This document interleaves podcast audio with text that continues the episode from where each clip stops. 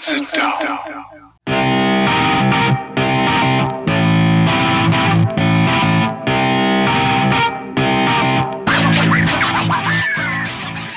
Witam wszystkich i każdego z osobna. Ja jestem Robert Kochan, a to jest Kochana NBA, najbardziej nieobiektywny podcast o najlepszej koszykarskiej lidze świata.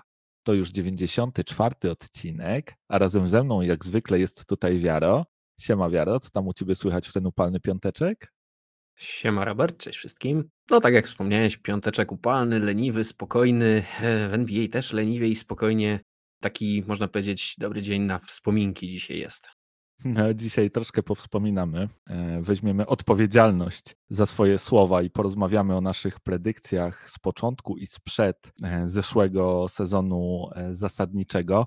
Wracamy do Was po tygodniu nieobecności. Ja byłem na urlopie, troszkę odpocząłem miałem też okazję obejrzeć kilka koszykarskich nowości, jeżeli chodzi e, o filmy na popularnych serwisach streamingowych. Między innymi obejrzałem Hustle na Netflixie i e, Rise, czyli historię Janisa Antetokounmpo i jego rodziny na, na Disney+. Bardzo polecam zwłaszcza ten pierwszy film, jeżeli chodzi o ilość osób ze świata NBA, które wzięły w nim udział, no to jest tego niesamowita ilość. E, więcej gwiazd niż, niż podczas All-Starów można w tym filmie zobaczyć. E, no i przede wszystkim fantastyczna rola e, Antonego Edwardsa jako czarnego charaktera o imieniu Kermit. Bardzo, bardzo Wam polecam ten film. Naprawdę fajna rzecz do obejrzenia w tym sezonie ogórkowym. No ale dobrze, słuchajcie, no przejdźmy do, do tego, co najważniejsze, mm, a zaczniemy od takiej bardzo smutnej wiadomości, bo 31 lipca w wieku 88 lat zmarł Bill Russell, prawdziwa legenda NBA, ale też e, sportu, no i zwłaszcza walki o prawa człowieka e, w Stanach Zjednoczonych. Dwukrotny mistrz NCAA, jedenastokrotny mistrz NBA, w tym dwa razy jako grający trener pięciokrotny MVP ligi, dwunastokrotny All-Star, 11 razy w NBA, cztery razy e, mistrz, jeżeli chodzi o liczbę zbiórek e, w całej lidze. Jego koszulka z numerem 6 znajduje się wysoko pod kopułą właśnie hali e, Boston Celtics. No i właśnie, taka jedna z najważniejszych postaci chyba świata NBA odeszła od nas i powiem ci, że wydaje mi się, że, że zostawiła wielką dziurę nie tylko w lidze, ale, ale też myślę i w moim sercu. E, no, nie jest to oczywiście wesoła wiadomość. Natomiast wiesz co, ja staram się patrzeć na takie rzeczy od tej drugiej strony, gdzieś postawić się jako taki nietypowy adwokat diabła i spojrzeć optymistycznie na całą tą sytuację. Wiesz, oczywiście e, bardzo szkoda, że Bill Russell od nas odszedł, ale mimo wszystko myślę, że powinniśmy się cieszyć i bardzo doceniać to, że ktoś taki jak Bill Russell był, że dane nam było go doświadczyć, e, że mogliśmy słuchać tego gościa, że mogliśmy go oglądać. E, był cały czas jedną z najważniejszych postaci całego NBA, był bardzo blisko całej ligi, mimo że już naprawdę wiekowy staruszek, nie jeden w ogóle nie, no, no, no nie doczeka takiego, takiego wieku jak 88 lat. Bill Russell mimo tego nieustannie podróżował na mecze, w finałach y, zawsze starał się tam być, żeby wręczyć statuetkę MVP finałów, y, która jest nazwana od jego imienia. Y, zawsze starał się to robić osobiście, podróżował nieraz pomiędzy tymi Game 5, Game 6, Game 7 w tej we w te samolotem w takim wieku. No gość, który miał ogromną jakby klasę, poczucie własnego jakby obowiązku wobec, wobec nas wszystkich. Chciał być przykładem, był tym przykładem przez całe swoje życie. No i tak jak wspomniałeś, no wielka, wielka postać w świecie NBA. Absolutnie jakby tutaj abstrahuję od tego wszystkiego, co, mm, co Bill Russell pokazywał na boisku, czego chyba no, no nie trzeba przedstawiać. No wystarczy powiedzieć 11 pierścieni, tak? To jest e, niedoścignione w żaden sposób. Michael Jordan ma połowę tego i uważamy go za najlepszego koszykarza wszechczasów.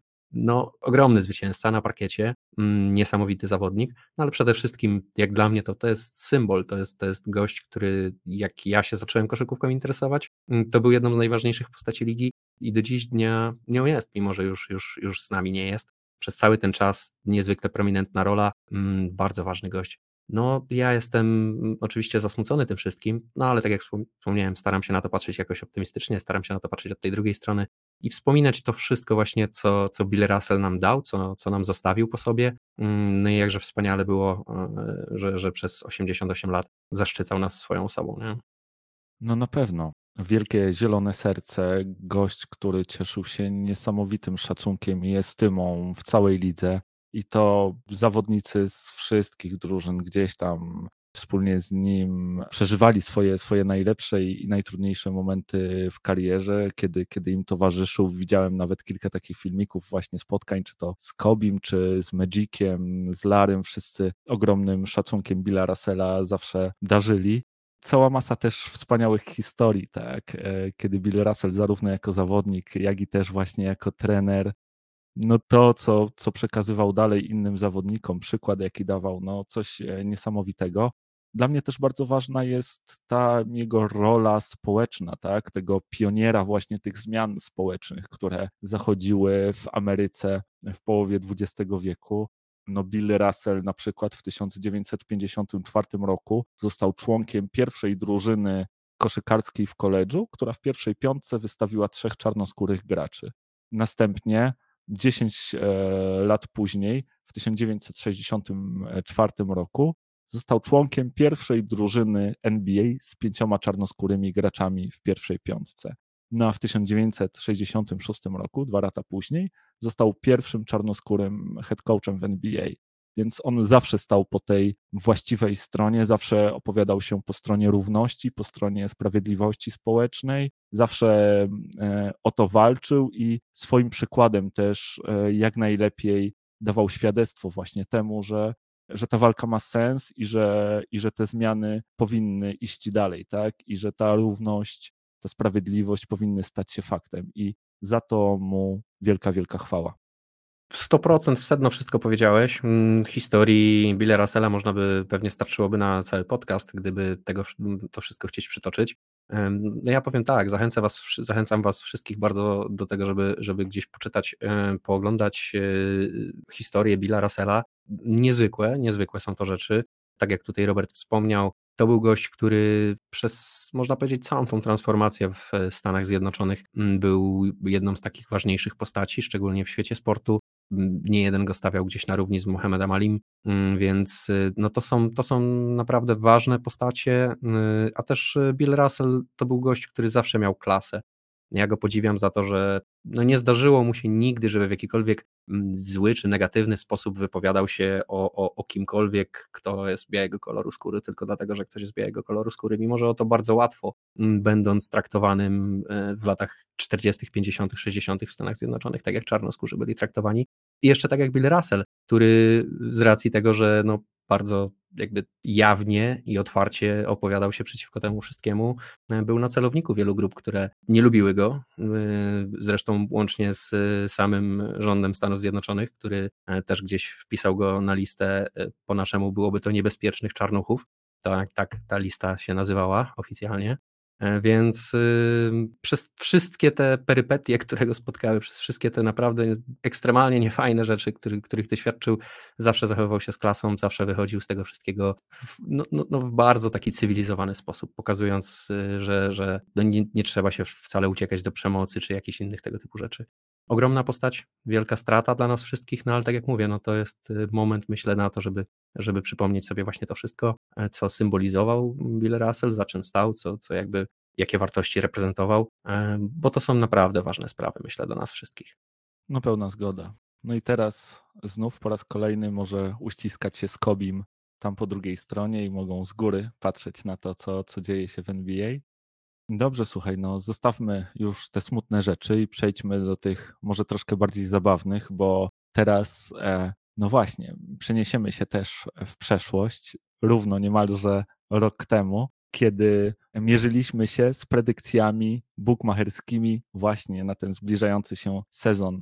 No i właśnie, sprawdzaliśmy te bukmacherskie markery, które były ustawione dla poszczególnych drużyn i decydowaliśmy o tym, czy naszym zdaniem dana drużyna będzie miała więcej, czy też e, mniej zwycięstw. No i dziś właśnie porozmawiamy sobie o tym, jak nam poszło. A jak nam poszło? No, powiem ci, że całkiem nieźle. Powiedz mi, jak, jak myślisz, kto z nas był lepszy, kto więcej drużyn trafnie wytypował? No wiesz co, nie byłbym sobą, gdybym powiedział, że ty, więc no wydaje mi się, że ja, ale no pewnie, pewnie się zaraz przekonam i zobaczymy. Rzeczywistość zweryfikuje. No tym razem szczęście uśmiechnęło się do mnie. Ja byłem minimalnie lepszy. 18 do 14 dla mnie na 30 prób. Mnie udało się wskazać 60% e, poprawnych odpowiedzi, tobie 47%. Wspólnie razem, jakby to policzyć, to, to mamy 53%, więc troszkę więcej niż połowę, więc chyba całkiem e, nie najgorzej nam poszło. Na pewno mogło pójść e, dużo lepiej. No ale właśnie, parę razy całkiem e, trafnie i nieźle zdiagnozowaliśmy, no a kilka razy się naprawdę sromotnie pomyliliśmy. No widzisz, no 50%, no takie, umówmy się, trochę strzelamy w ciemno, widzę. pół na pół nam to wychodzi. No ale taka jest też, taka jest koszykówka, taki jest sport, nieprzewidywalne jest to wszystko szczególnie w tak wyrównanej lidze jak NBA, mm, ciężko mieć zawsze rację. E, no ale tak czy inaczej, przyjrzyjmy się temu, zobaczmy, y, gdzie się sromotnie pomyliliśmy, e, a gdzie faktycznie wszystko było widać na talerzu już rok temu, na początku sezonu. No powiem Ci, że to też nie było łatwo, bo te markery w przypadku niektórych drużyn były naprawdę ustawione no, bardzo mądrze i bardzo nieźle. Często te wyniki ostateczne drużyn były niesamowicie blisko tych markerów, tak? Tam e, w ich przypadku zawsze mamy tą połówkę, tak? Żeby można było dać więcej lub mniej. No i naprawdę czasami zdarzało się, że naprawdę te wyniki drużynowe były o te właśnie pół zwycięstwa tylko e, od tego markeru, więc nie była to łatwa sprawa w wielu przypadkach. W innych okazało się, że nie było tak źle. Zajmiemy się teraz e, poszczególnymi przypadkami może. I chciałbym zacząć tutaj od Brooklyn Nets, bo to jest e, bardzo, wydaje mi się, ciekawy początek. Zresztą od nich też zaczynaliśmy tamten odcinek. No i słuchaj, projekcja czy też marker e, dla Brooklyn Nets w poprzednim sezonie ustawiony był na 56,5 zwycięstwa. Ostatecznie Netsom udało uzbierać się tylko 44, natomiast to był ten czas, kiedy mówiliśmy właśnie o tej trójgłowej hydrze i zastanawialiśmy się, jak długo oni będą dominować tę ligę.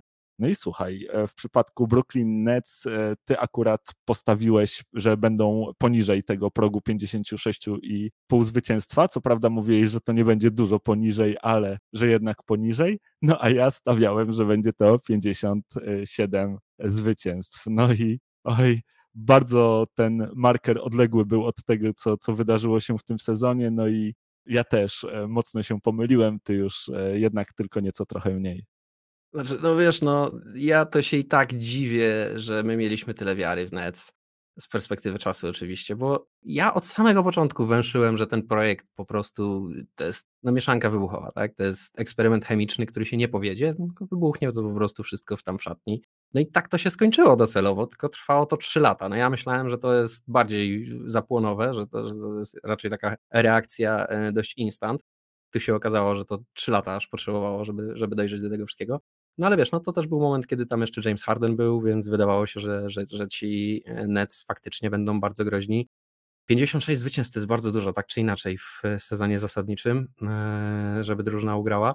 Powiem ci, że no zadziwiony jestem mimo wszystko, że tak, że tak e, obstawialiśmy Ostronec, chociaż no faktycznie ten James Harden tamtym roku. Jeszcze nie wiedzieliśmy, y, co to będzie za padaka, chociaż już y, wiele było y, wcześniejszych przypadków, które kazały nam, kazałyby nam tak uważać. To wciąż nie, James Harden to jest taki zawodnik, który był na takim poziomie, mm, grał tak fantastycznie, zrobił takie numery, robił takie cuda w Houston, że no do dziś dnia ciężko go skreślić, nie? ciężko uwierzyć w to, że on może być po prostu już takim grajkiem, jakiego, jakiego widzimy na co dzień teraz, jak, jak, jak się prezentuje. Nie? No poza tym też się nikt nie spodziewał, że James Harden się tak po prostu rozczaruje po kilku tygodniach zaledwie z, ze swoimi najlepszymi kolegami i stwierdzi, że to jednak nie jest miejsce dla niego i postanowi stamtąd uciec, nie? Więc umówmy się, pewnie by mieli, z, ja wiem, no mogliby mieć z 50-52 zwycięstwa, gdyby tam James Harden został, nie? To już by było zdecydowanie bliżej tego markera. A też umówmy się z tymi markerami, to jest, słuchaj, no te, tych markerów to nie robią jacyś tam ludzie z ulicy, tylko to, to, tym się zajmują goście w Vegas, nie? A oni na tym robią dobry szmal, więc y, no raczej znają się na rzeczy, więc nie dziwne, że to było wszystko tak, e, tak równo poukładane. Mm, no ale taka jest, taka, tak, tak, to, tak to też się robi. No to o to chodzi, żeby właśnie taką linię wybrać, e, żeby, żeby Bookmacher był pół na pół w miarę nie? na tym wszystkim. Tak czy inaczej, mm, jeżeli chodzi o, o Brooklyn Nets, no to cóż, no lekkie fopa z, z, naszej strony, tak czy inaczej. Mimo, że ja nie obstawiałem tych, tych 56 zwycięstw, to wciąż, jak myślę o tym, jakie było moje wyobrażenie Nets przed zeszłym sezonem, to zdecydowanie ich przeceniałem. No przede wszystkim myśleliśmy, że Kairi będzie grał, tak? Żaden z nas się nie spodziewał, że Kairi e, będzie chciał być głosem tych, którzy głosu nie mają, że się nie dziabnie, że nie będzie mógł grać przez większość sezonu, co tylko sfrustrowało właśnie Jamesa Hardena i prawdopodobnie też doprowadziło do chęci jego odejścia i tego, że ta drużyna się e, rozpadła. Tego nie mogliśmy wiedzieć jeszcze przed początkiem sezonu z tego co słyszałem w naszych głosach, to mm, no, spodziewaliśmy się po tej drużynie jakby wielkich rzeczy i myśleliśmy, że pozamiatają tutaj e, ligę wtedy jeszcze. No ale właśnie, no, nie mogliśmy wiedzieć, e, jak to się pięknie i spektakularnie wszystko wywróci. Słuchaj, drugą drużyną, o której rozmawialiśmy, było Dallas Mavericks i ich marker był ustawiony na 48,5 zwycięstwa Ostatecznie Dallas zdobyło 52 zwycięstwa, więc e, przebiło ten marker. No i tutaj jakby ty też wskazałeś, że tak właśnie będzie, że, że uda im się uzbierać więcej zwycięstw. Ja dawałem im e, szansę na mniej. Powiedziałem, że to będzie 48, że będą blisko jakby tego markeru, ale właśnie o to, o to pół zwycięstwa mniej. Ty stawiałeś tutaj na 50 zwycięstw, mówiłeś, że będą top 4 e, drużyną na zachodzie, no i rzeczywiście wyszło na twoje te 52 zwycięstwa, blisko tych prognozowanych przez ciebie 50. E, e, Dallas byli w top 4 i pokazali się z fajnej strony. Zresztą pamiętam, że nawet później gdzieś tam, kiedy rozmawialiśmy, czy Dallas są na serio, czy na niby, to ja utrzymywałem, że oni są raczej na niby, że tych finałów konferencji im się nie uda osiągnąć. Ty byłeś jakby bardziej ich pewien, no i, i wyszło na twoje, no i popatrz, wierzyłeś od początku w Dallas Mavericks i chyba nie zawiedli w tym sezonie. No nie, ale też y, wytłumaczę się, bo to nie do końca jest tak, że ja wierzę w Dallas Mavericks, ja wierzę w Lukę i mnie twoje niedowierzanie w Lukę zaskakuje niezwykle, biorąc pod uwagę, że ja wiem, jak bardzo ty Lukę lubisz, że jak, jak strasznie go uwielbiasz jako zawodnika. Mm, więc jestem w ciężkim szoku, że, że wciąż nie dowierzasz. Chłopak od 15 roku życia wygrywa z facetami w koszykówkę. Nie wiem, dlaczego to by się miało zmienić, staje się tylko lepszy. Więc y, ja tak w Dallas to tak do końca nie wierzę. Nie? Ja nie spodziewałem się i nie będę tutaj udawał Nostradamusa, że przewidziałem, że nie wiem, Jalen Bronson zagra taki sezon, jaki zagrał.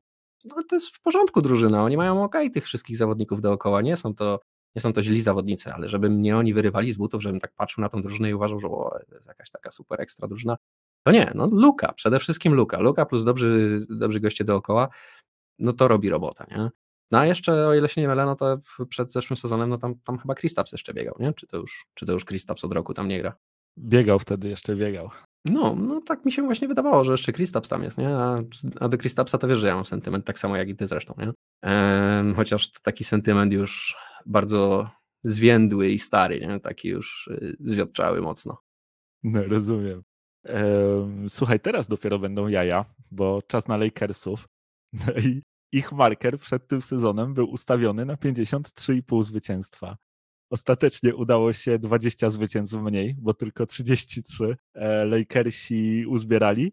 No i ty obstawiałeś, że tych zwycięstw będzie więcej, że Lakersi w tym sezonie wygrają 58 meczów.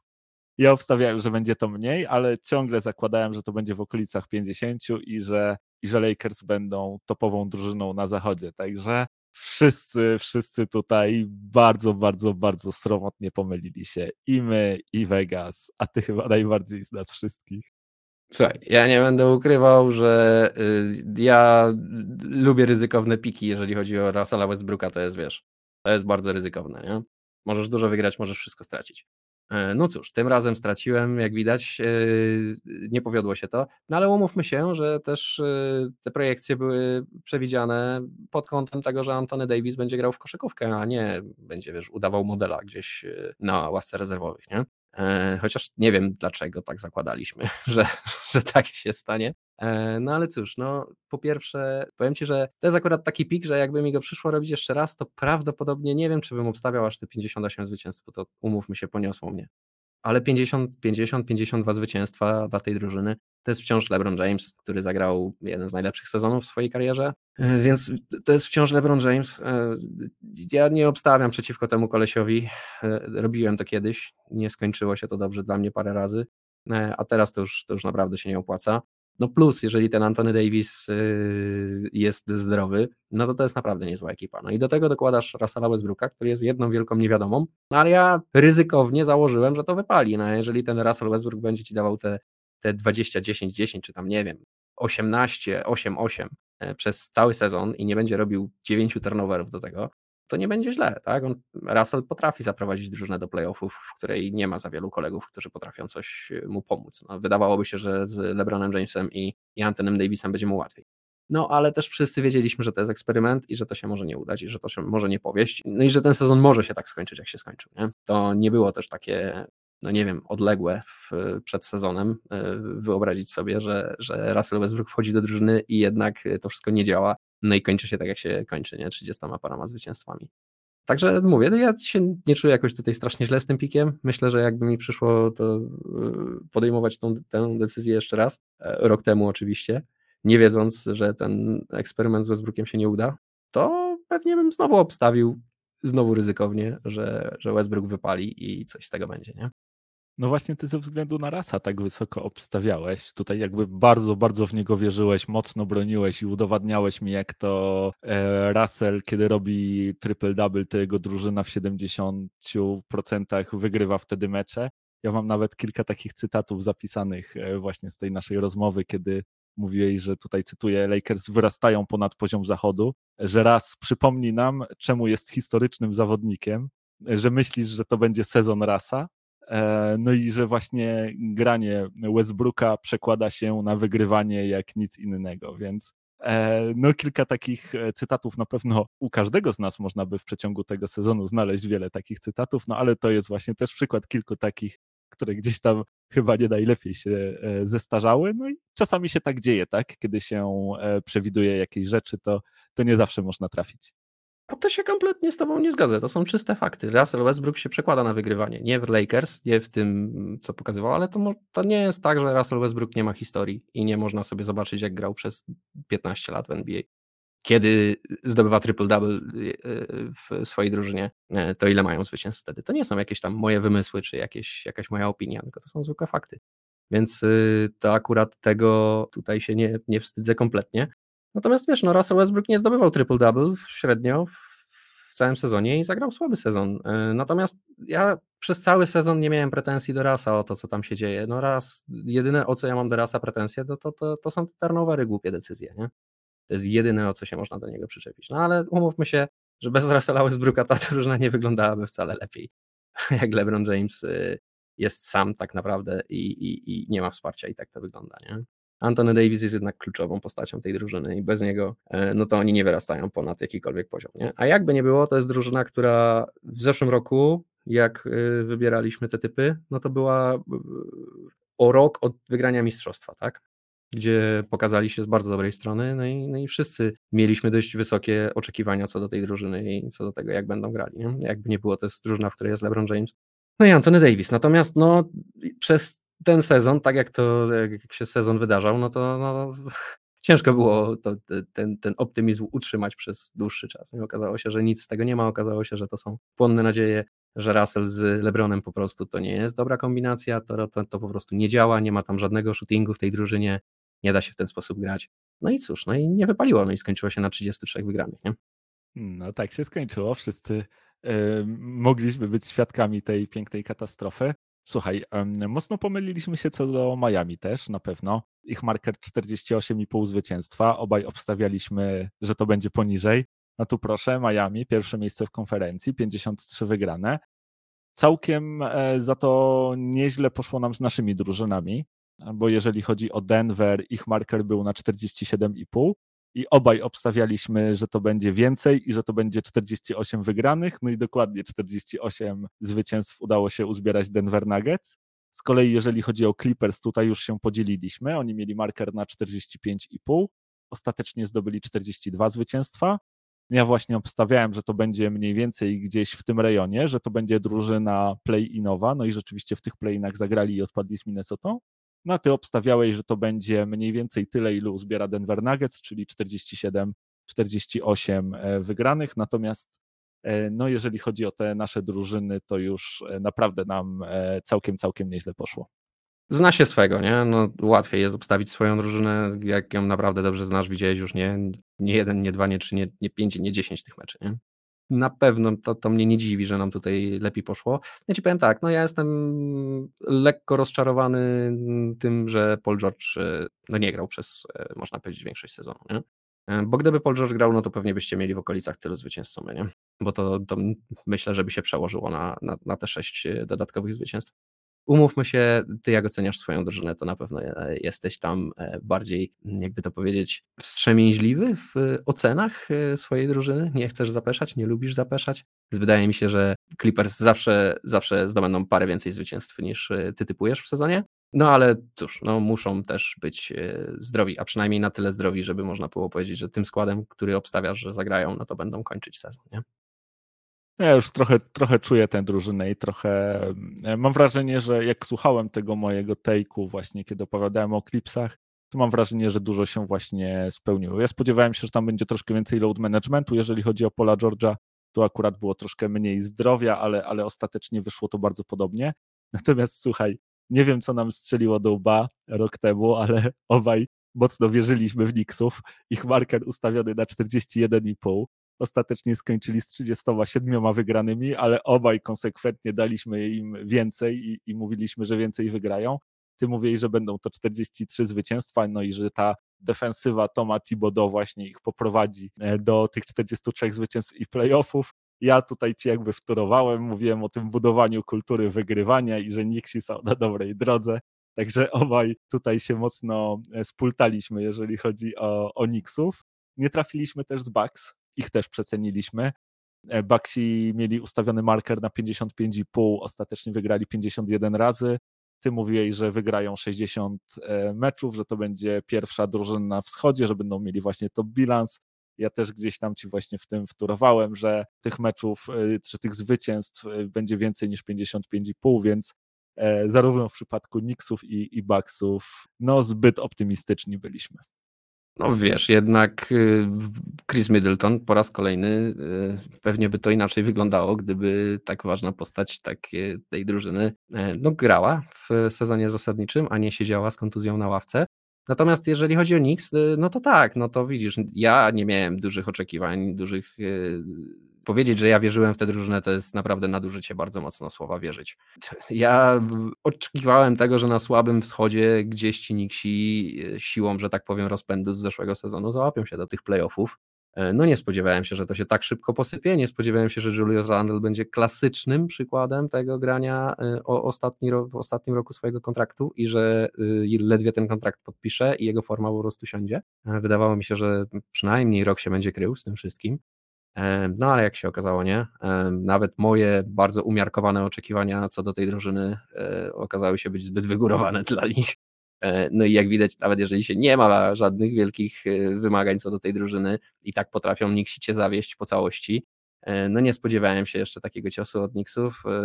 Tak jak mówię, no ja nie mam wielkich oczekiwań co do tej drużyny, a i tak potrafią, potrafią tych, tych moich oczekiwań no najzwyczajniej w świecie nie osiągnąć, nie? No jak to z Knicksami, oni są w tym mistrzami w niespełnianiu oczekiwań innych.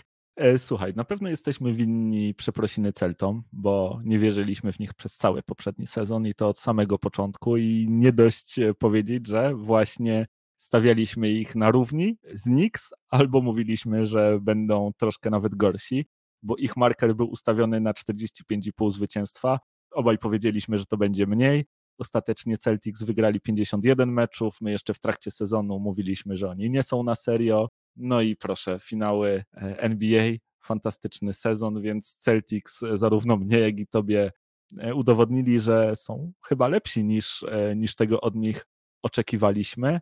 Też za nisko oceniliśmy Bullsów. Oni mieli na 42,5 e, zwycięstw ustawiony marker, e, wygrali 46 razy. My właśnie obaj stawialiśmy, że to będzie mniej niż, niż to 42,5. Za to bardzo fajnie udało nam się przewidzieć dobre sezony zarówno Cavaliers, jak i Memphis Grizzlies. Tutaj jakby w przypadku obydwu tych drużyn obstawialiśmy, że to będzie, że to będzie lepiej też pomyliliśmy się, jeżeli chodzi o Minnesota Timberwolves. Oni mieli na 33,5 marker ustawiony. W sumie ta drużyna wygrała 45 zwycięstw, no a my obaj zgodnie stwierdziliśmy, że tych zwycięstw będzie właśnie mniej niż 33,5, więc tutaj Wolves e, gdzieś tam do tych naszych przedsezonowych e, właśnie oczekiwań co do nich, to, to naprawdę pokazali się e, z fajnej strony. Z takich ciekawych obserwacji, jeszcze już gdzieś tam na koniec tej listy, to chciałbym zauważyć, że nie wierzyłeś w Warriors wtedy jeszcze. E, oni mieli marker ustawiony na 47,5 zwycięstwa. Ty obstawiłeś, że to będzie mniej, ja obstawiałem, że to będzie więcej. Ostatecznie Warriors wygrali 53 mecze, więc e, tutaj gdzieś tam byłeś wstrzemięźliwy. Natomiast e, dla mnie bardzo ciekawy był też Twój wybór, jeżeli chodzi o Sacramento, bo było 35,5 zwycięstwa i Ty dałeś, że będzie więcej ostatecznie Kings wygrali tylko 30 meczów, ale właśnie to gdzieś tam e, mocno e, rzuciło mi się w oczy, bo to był jeden z takich, no, mniej wydaje mi się teraz e, racjonalnych pików.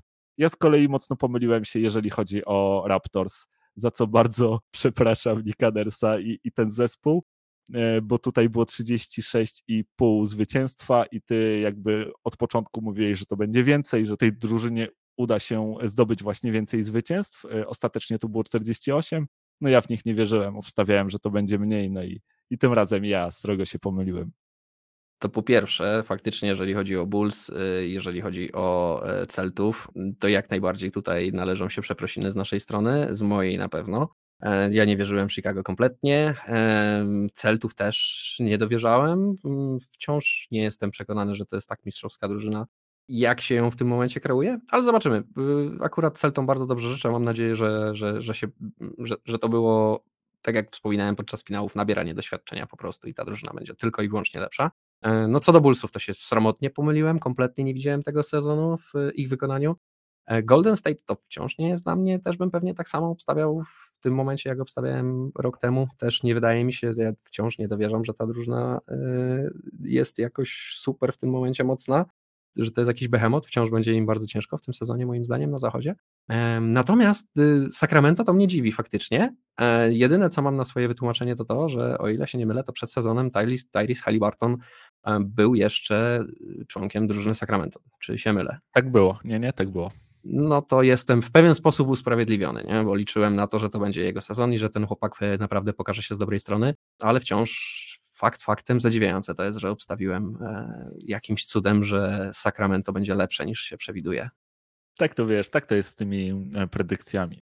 Zresztą no, widać, no, obaj byliśmy gdzieś tam w okolicach tych 50%, e, bo, bo to 18 czy, czy 14 to ta, ta różnica nie jest taka, taka duża. Mm, no nie jest łatwo jednak ten sezon NBA jest bardzo szalony, tu kontuzje, tu trady i tak dalej, wiesz, wszystko, wszystko się zmienia, więc nie da się być tak e, do końca e, zgodny ze, ze stanem faktycznym.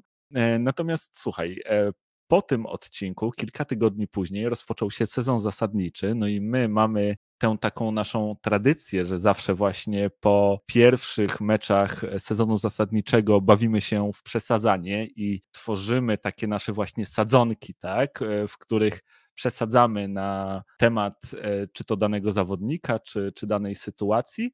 No i ja właśnie też przesłuchałem sobie ten odcinek, zebrałem te nasze sadzonki, no i właśnie teraz wspólnie zobaczymy sobie, co z nich wyrosło. Czy rzeczywiście wyrosła z nich jakaś fajna, bujna roślina, czy jednak e, to, co zasadziliśmy, zwiędło szybciutko i nic z tego e, ostatecznie nie wypaliło. I tutaj jakby mały spoiler, nie jest źle z tymi sadzonkami. Naprawdę moim zdaniem daliśmy całkiem nieźle radę. Więc słuchaj, może przejdźmy do pierwszej e, sadzonki. Zarówno u ciebie, jak i u mnie one były bardzo podobne i twoja pierwsza sadzonka brzmiała kupiłem akcję Lamelo. Ma szansę zostać All-Starem. No i tutaj jakby u mnie było dokładnie to samo, że Lamelo zostanie All-Starem w tym sezonie. No i rzeczywiście Lamelo Ball został All-Starem. No powiem Ci, że z perspektywy czasu trochę się wierzyć w to wszystko nie chcę. e, bo pamiętam bardzo, bardzo dobrze, jak to było, kiedy e, brat Lamelo Lonzo przyszedł do, tej ligi. Kiedy Magic Johnson po, postanowił na konferencji prasowej stwierdzić, że e, Lonzo będzie już niedługo jego koszulka zawieszona pod sufitem hali Staples Center. No i oczywiście tata Lonzo i braci Lonzo bardzo mocno się udzielał wszędzie w mediach, promując swój, swój biznes swoich, swoich synów kompletnie się nie spodziewałem, że kiedykolwiek stwierdzę, że to, co oni próbują mi sprzedać, może być na serio i że faktycznie jeszcze to kupię od nich. No a tutaj zobacz, nie dość, że, nie dość, że rok temu kupiłem, to po roku czasu okazuje się, że to całkiem solidna i dobra inwestycja była i dobrze wydane pieniądze, nie? Ta sadzonka teraz pięknie w ogrodzie wygląda, e, ładny sobie krzaczek z niej rośnie. Zobaczymy, co będzie dalej, no ale, no ale póki co trzeba powiedzieć, że no, jestem bardzo zadowolony. No pięknie nam urosła. Lamelo ma za sobą naprawdę udany sezon. 20 punktów średnio, 7 zbiórek, 8 asyst, 43% skuteczności z pola i 39 za 3, 87 z osobistych, więc naprawdę dobre statystyki, fajny sezon zagrał i rozwija się ta jego kariera i przed nim chyba można powiedzieć sky's the limit, tak? Bo, bo ten poziom All-Star już udało się osiągnąć. No i zobaczymy e, na te kolejne kroki bo kto wie, może teraz dwa, trzy sezony i, i uda się e, wskoczyć do All-NBA. E, gdzieś tam widzę taką perspektywę przed Lamelo. Uważam, że ma jakby wszystkie, wszystko, co trzeba, e, żeby to osiągnąć. Słuchaj, druga sadzonka, twoja. Jak sam powiedziałeś, jest to gruba sadzonka. Cytuję: Wolves zagrają w playoffach. I popatrz, kolejna piękna, bujna roślina w twoim ogrodzie, chociaż pamiętam, że właśnie, ty powiedziałeś, że to gruba sezonka i mocno, mocno z tego drwiliśmy i mówiliśmy, no, że właśnie dzisiaj sobie możemy przesadzać, ale pewnie przyszłość zweryfikuje plany. Zresztą parę tygodni wcześniej nie dawaliśmy e, Minnesocie nawet 33 wygranych w lidze. Słuchaj, Minnesota ma, jak się okazało, diament w ręku, tak? E, Anthony Edwards od samego początku, odkąd mieliśmy draft i rozmawialiśmy o tym drafcie i ja od samego początku mówiłem, że ten gość wygląda na kocura i wygląda na gościa, który może być naprawdę gwiazdą w NBA. Wyrasta po prostu ponad to wszystko. Tylko musi to wszystko ogarnąć, bo to nie jest proste, jak jesteś młodym zawodnikiem i po prostu masz niesamowity talent i jeszcze taką atletyczność jaką, nie? No ale to jest taka, wiesz, no to jest taka, tak, tak, taka, taki, taki joker w twojej, w twojej ręce, tak? Karta, którą jak zagrasz, to może nic z tego nie będzie, ale jak wypali, no to, no to zaprowadzicie do playoffów. No i oni, oni ten czynnik mieli u siebie, no i okazało się, że wypaliło, tak? Antony Edwards zagrał naprawdę fantastyczny sezon. No i udało się, tak? Wystarczyło na to, żeby do playoffów się załapać. Zobaczymy, co będzie dalej. E, słuchaj, no Wolves, y, jakby nie było do tych playoffów, y, y, załapali się. No, pamiętasz bardzo dobrze, jak nie? Pat Beverly stał na stole i celebrował, jakby co najmniej wygrał Mistrzostwo Świata, nie? Więc to było duże osiągnięcie mimo wszystko ze strony tej drużyny, że, że się do tych playoffów załapała. O włos, można powiedzieć, się to udało. Także to była gruba sadzonka, no ale tak to jest, jak masz taką kartę w ręce, nie? Czasem wypali, e, nie zawsze, raczej nie wypala zazwyczaj, ale no oczywiście szanse masz, a jak masz też takie szanse, no to warto to obstawić. To była gruba sadzonka, moja z kolei w tej rundzie była bardzo cieniutka, bo teraz z perspektywy czasu wydaje się, że niemal oczywista, bo ja prognozowałem z kolei, że Jamorant zostanie All-Starem, no i nie tylko został All-Starem, ale wskoczył do tego grona jednego z najlepszych e, zawodników ligi. Fantastyczny sezon za Ja. No mówiliśmy o tym wielokrotnie i zachwycaliśmy się tym zawodnikiem i jego grą, więc no rzeczywiście sadzonka bujnie się rozrosła, natomiast no nie była to żadna chyba taka kontrowersyjna teza i nie było to aż takie grube przesadzanie, wręcz, wręcz właśnie cieniutkie. Natomiast e, Kolejna jest bardzo ciekawa, bo to jest właśnie twoja sadzonka z trzeciej rundy, kiedy powiedziałeś, to jest ten sezon, kiedy Brooklyn Nets się posypią. No i popatrz, rok temu, jak te słowa proroczo teraz brzmią, prawda? Ja tutaj jakby ci wtórowałem w tym wszystkim i, i też e, właśnie z taką swoją sadzonką przyszedłem, że bez Kairiego Nets nie mają najmniejszych szans na wygranie mistrza. No i no i właśnie, tego Kairiego zabrakło, ale nie tylko tego. E, Nets się posypali totalnie e, w pył. Teraz e, trwają tam rozmowy o, o wyprzedaży w tym zespole, więc no popatrz, już równiutko rok temu wiedziałeś, że tak właśnie będzie. I stary, ja to wiedziałem trzy lata temu, tylko nie znałem timera na tej bombie. Ja wiedziałem, że Kyrie przyniósł bombę do szatni, nie? To od samego początku, odkąd się pojawiły newsy, że Kyrie z Kevinem Durantem przyjadą do Brooklyn Nets, to ja już wiedziałem, że o, Kyrie na pewno ze sobą bombę weźmie, bo on bez bomby się z domu nie rusza i weźmie i zostawi ją w szatni. Pytanie tylko, kiedy ona wybuchnie, nie? Więc nie wybuchła pierwszego roku, no to obstawiamy, że drugiego roku wybuchnie. Nie wybuchła drugiego roku, no to trzeciego roku już musi wybuchnąć. No kiedy ma wybuchnąć? No, były szanse, że to jeszcze rok potrwa i czwartego roku to dopiero wybuchnie. Ale no ta bomba to była oczywista sprawa. No to, że to wypali, to było wręcz no, trochę przeciwieństwo tego, tego liczenia na to, że, że, że Westbrook wypali, tak? mniej więcej takie same szanse na to, na to były. No i zarówno Westbrook nie wypalił, jak i ten eksperyment chemiczny w, w Brooklyn Nets też nie wypalił. Nie? nie było to też jakieś wielkie moj, z mojej strony przepowiadanie przyszłości. To raczej było dość oczywiste od samego początku, że to się stanie. Pytanie tylko było kiedy. Jak widać, to był ten rok. Zresztą, jak to się pewnie też potem okaże, masz chyba całkiem dobry talent do przewidywania katastrof, ale o tym jeszcze porozmawiamy za chwilę. Natomiast e, kolejna sadzoneczka, znowu twoja, jak sam to powiedziałeś, bardzo smutna sadzonka i brzmi ona Rudy Gobert zostanie Defensive Player of the Year kolejny rok. No i słuchaj, zwiędła, okazało się, nic z niej nie zostało.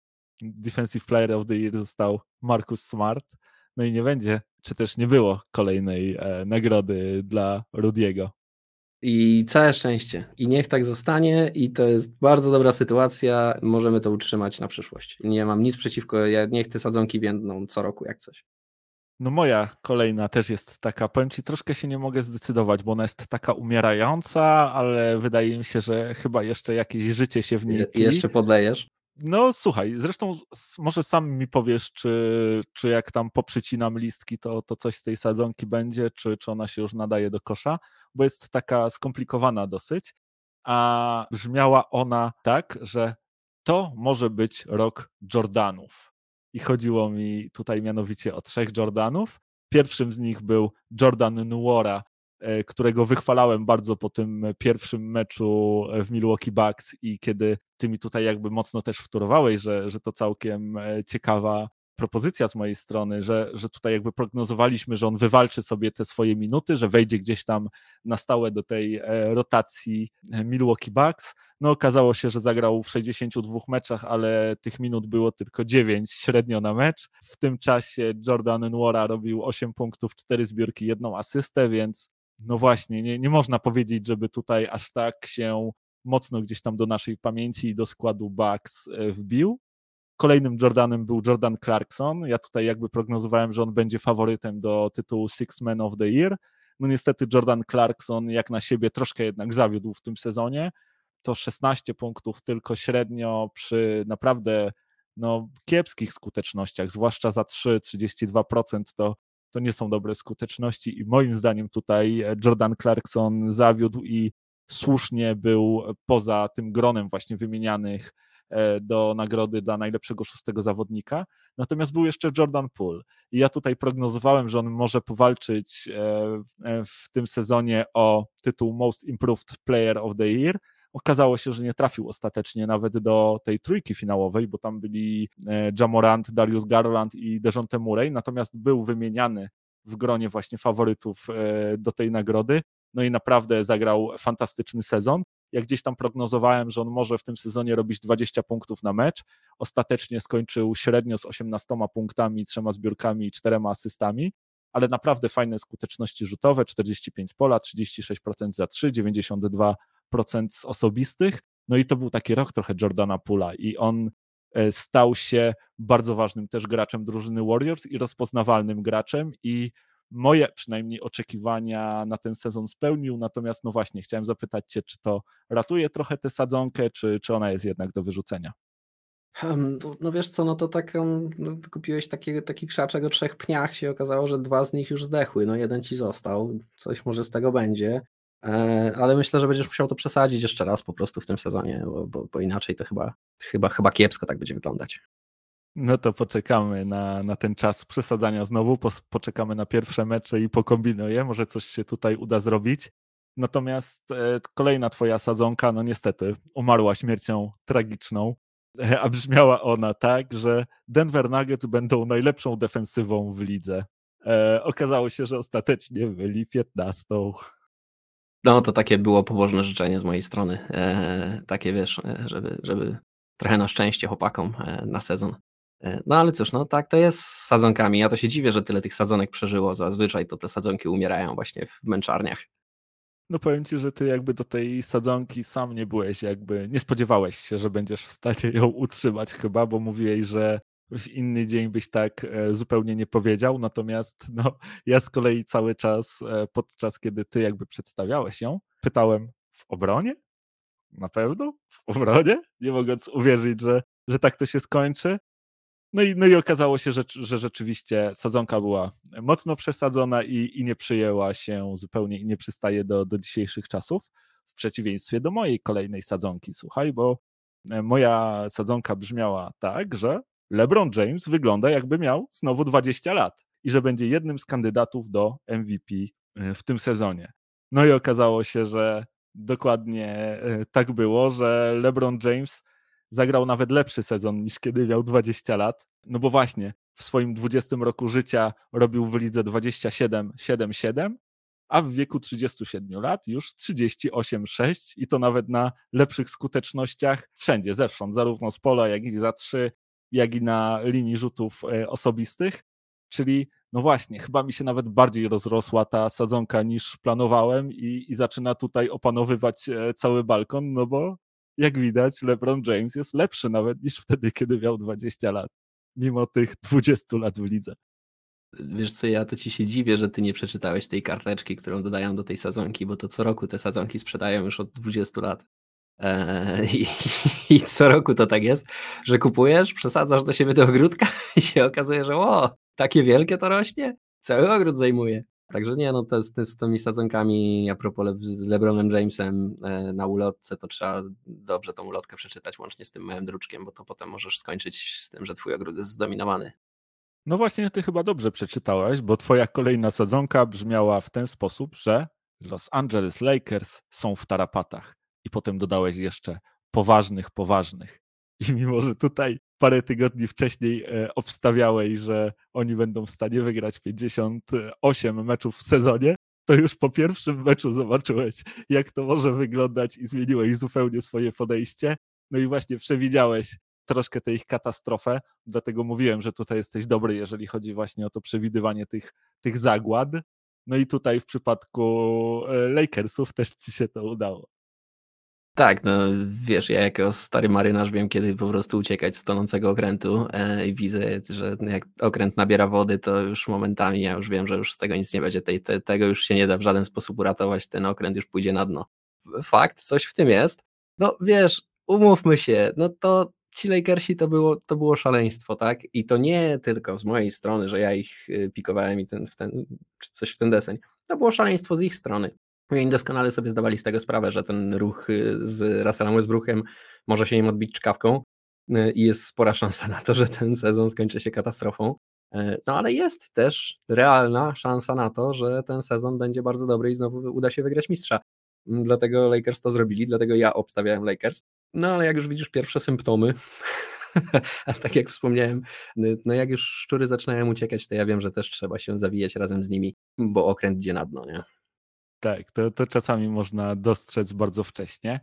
W kolejną moją sadzonkę w ogóle nie wierzyłeś. Nie sądziłeś, że cokolwiek z niej wyrośnie, że, że się to uda, a jednak się udało, e, bo ja prognozowałem, że Trey Young będzie w tegorocznych All-NBA. I ty mówiłeś, że, że nie ma na to szans, że nie będzie jednym z sześciu najlepszych gardów, no i okazało się, że załapał się do third All-NBA team więc e, sadzonka mi pięknie urosła, mimo, mimo właśnie twojego niedowiarkowania. Fuks, nic więcej. Umówmy się, no naprawdę. Obstawisz tą sadzonkę jeszcze raz w tym roku? A wiesz, że nie wykluczam? Nie wykluczam. Trey Young naprawdę E, teraz z Dejontem Murrayem e, Atlanta Hawks może mieć naprawdę lepszy rekord. Trey Young zdobywa bardzo dużo punktów. On potrafi zdobywać w okolicach 25-27 punktów na mecz. Do tego potrafi dołożyć podwójną zdobycz, jeżeli chodzi o asysty.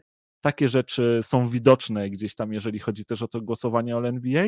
Wydaje mi się, że mm, do tej trzeciej drużyny po raz kolejny może się załapać, ale poczekajmy, nie spoilerujmy, ja się jeszcze zastanowię nad tym, jak przyjdzie sezon sadzenia, to, to będę wtedy przesadzał i, i zdecyduję, czy, czy taką sadzonką znowu tutaj jakby przyjdę się pochwalić. E, natomiast jeszcze została przed nami ostatnia sadzoneczka. Ona u ciebie wygląda gorzej, u mnie wygląda trochę lepiej, ale to jest e, jedna i ta sama sadzonka. Ty powiedziałeś, że walec Milwaukee Bucks dojedzie do finałów i wygra wszystko na swojej drodze. E, ja z kolei uważałem, że Janis pokaże w tym sezonie, że jest najlepszym graczem w NBA. Mnie chyba troszkę bardziej się udało trafić, bo rzeczywiście Janis wydaje się, że jest teraz tym graczem, od którego wyboru zaczynałbyś pewnie draft, albo przynajmniej jest w tej czołówce. Tutaj pewnie niektórzy by się wspierali, natomiast no moim zdaniem właśnie jest tym najlepszym graczem w NBA w tym momencie.